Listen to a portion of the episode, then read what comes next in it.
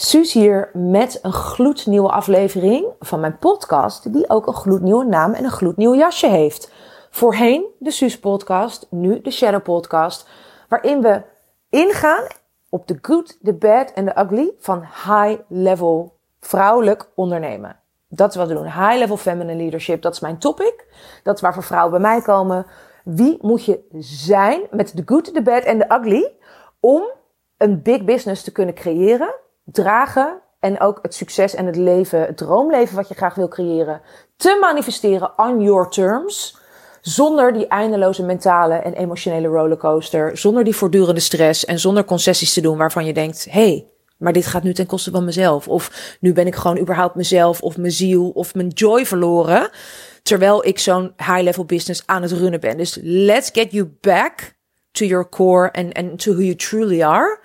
En ervoor zorgen dat je zo ongelooflijk veel meer uit je business en je leven gaat halen. Um, dat is waar mijn werk volledig over gaat. En daarvoor hebben we het dus vaak over de schaduwkanten. En dat zijn die kanten waar we ja, liever niet naar kijken. We hebben het liever over onze lichte kant dan over onze donkere kant. Maar juist in die donkere kant zit zo ongelooflijk veel goud en heling. En vandaag eigenlijk een hele, hele korte podcast. Ik hou nooit van hele lange podcasts, want ik beluister dat zelf ook niet.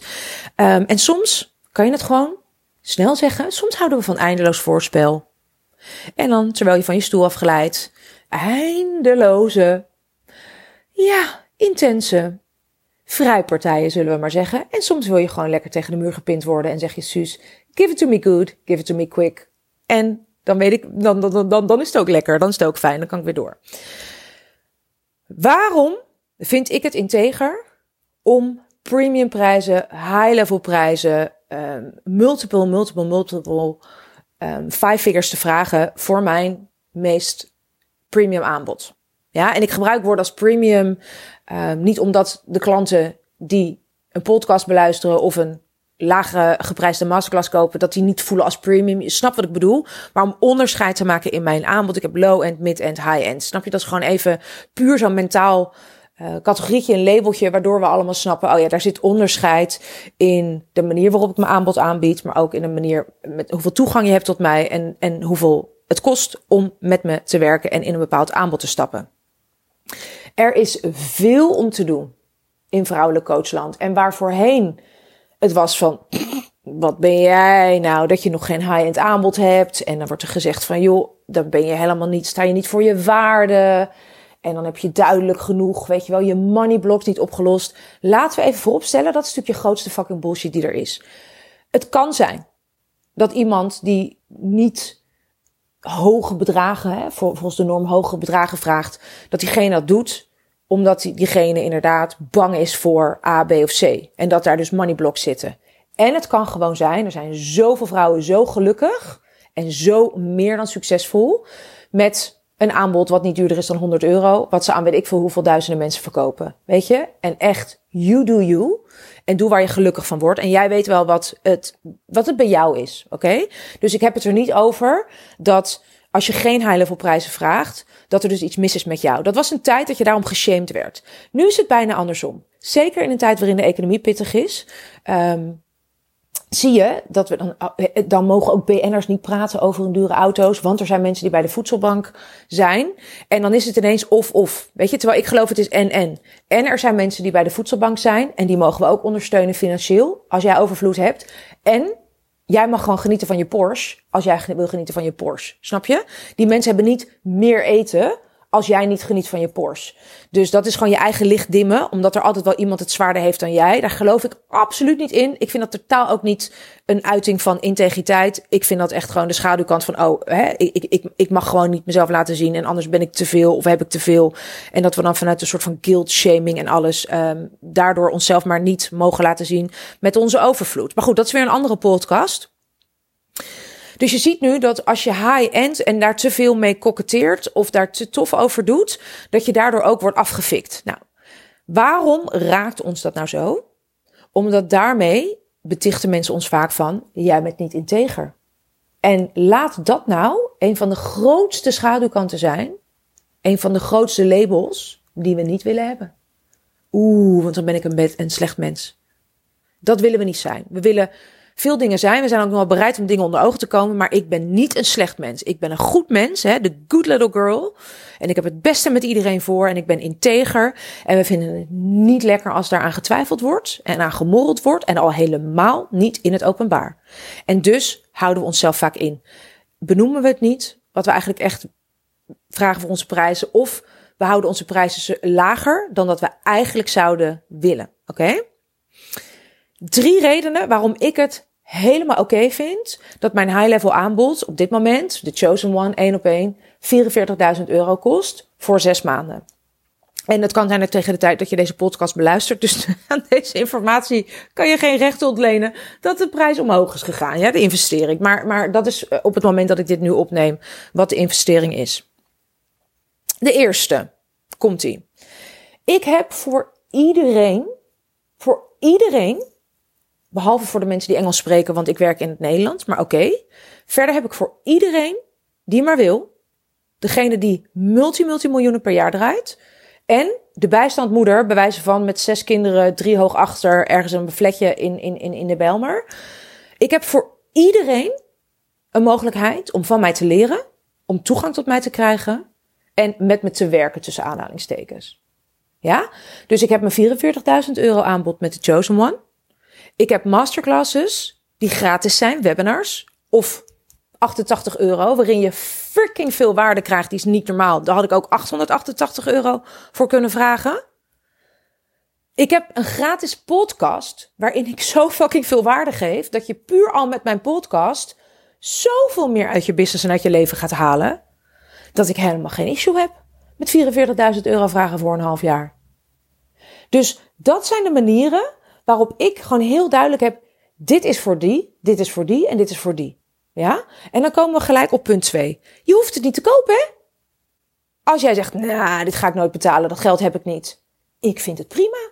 Want mijn 44.000 euro aanbod is ook niet voor iedereen. Sterker nog, ik wil helemaal niet meer dan vier, vijf vrouwen tegelijk die dat aanbod hebben.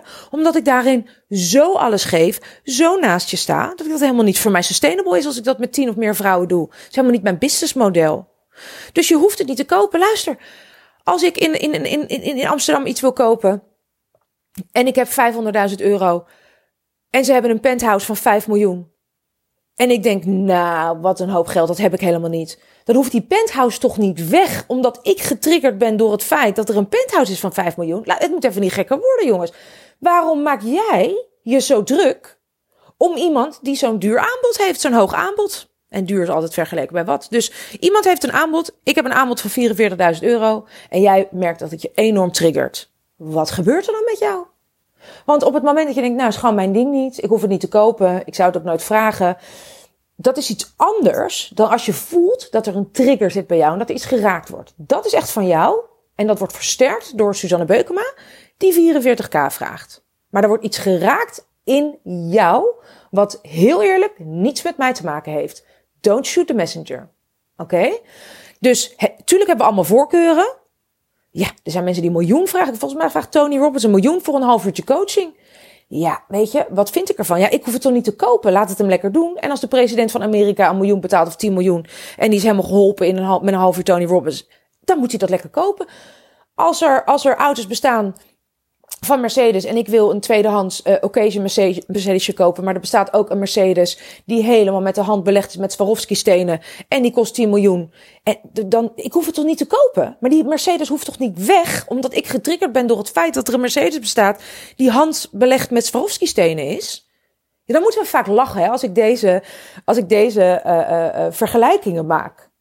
Weet je, er zijn zoveel merken die ook een premium aanbod hebben. Maar moet dat weg omdat jij vindt dat het onzin is dat er zo'n dure tas is? Omdat jij denkt, ik zou het nooit kopen? Of denk je gewoon, oh ja, nou, interessant, bizar dat mensen dat kopen, maar ik laat het lekker gaan.